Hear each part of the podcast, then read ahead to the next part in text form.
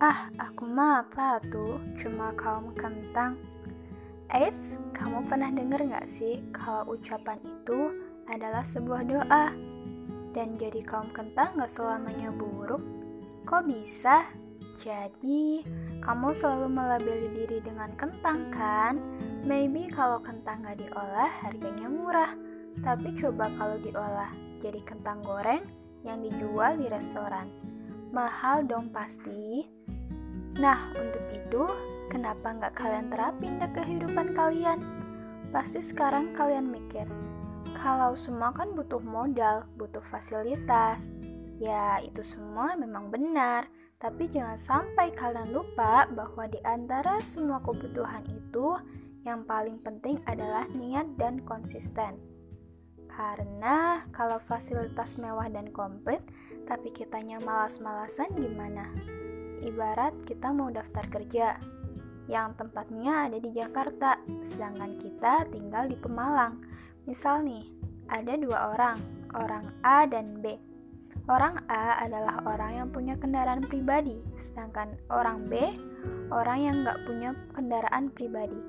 Lalu, karena B harus memakai kendaraan umum, otomatis dia udah bangun pagi-pagi buat siap-siap dan langsung menuju ke terminal. Sedang si A masih bergelung di dalam selimut karena merasa santai udah punya kendaraan pribadi. Jadi bisa pergi sesuka hati tanpa takut ketinggalan bis atau kendaraan umum lain. Terus B udah jalan, si A masih asik rebahan. Dan waktu si B udah mau sampai ke tujuan, si A malah baru kelimpungan karena bangun kesiangan. Saking buru-burunya, si A langsung pergi tanpa mengecek barang bawaan. Si A udah nyoba nih ngebut, tapi tetap aja orang namanya udah siang, pasti dapat kemacetan di jalan. Sampai si akhirnya si A sampai nih ke tujuan dan bertemulah dengan si B yang udah keluar dari ruangan dengan perasaan lega. Si A yang emang masih ngos-ngosan dengan wajah acak-acakan, siap untuk melakukan interview. Tapi sayangnya karena tadi terburu-buru, akhirnya berkas data diri tertinggal. Jadi si A nggak bisa melakukan interview. Oke, cerita ini kayak sinetron ya, tapi ini sering terjadi di mana mereka yang udah difasilitasi malah malas-malasan. Jadi untuk kalian kaum kentang yang isi HP-nya harus selalu dibersihkan jika ingin ditambah aplikasi atau mungkin video yang kalian suka harus ikut dihapus. Gak apa-apa, gak masalah.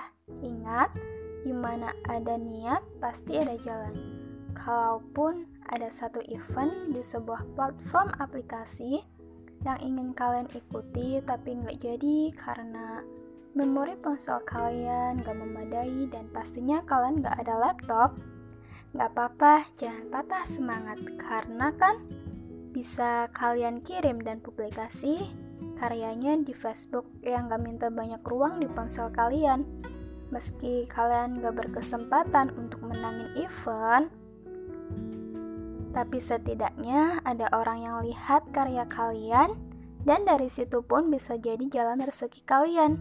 Karena manusia memang gak pernah tahu jalan rezekinya dari arah mana kan? So, usaha semampu kalian, tapi ingat, tetap berikan yang terbaik dari diri kalian. Gak peduli kalau saat ini yang lihat, baca, atau dengar karya kalian hanya lima orang, atau bahkan hanya kalian. Gak apa-apa, setidaknya kalian udah berani untuk mengumumkan pada dunia bahwa kalian telah berkarya dan berusaha. Tetap semangat beraktivitas dan tetap patuhi protokol kesehatan. Nanti kita bahas tentang kaum kentang lagi ya. See you kentangers.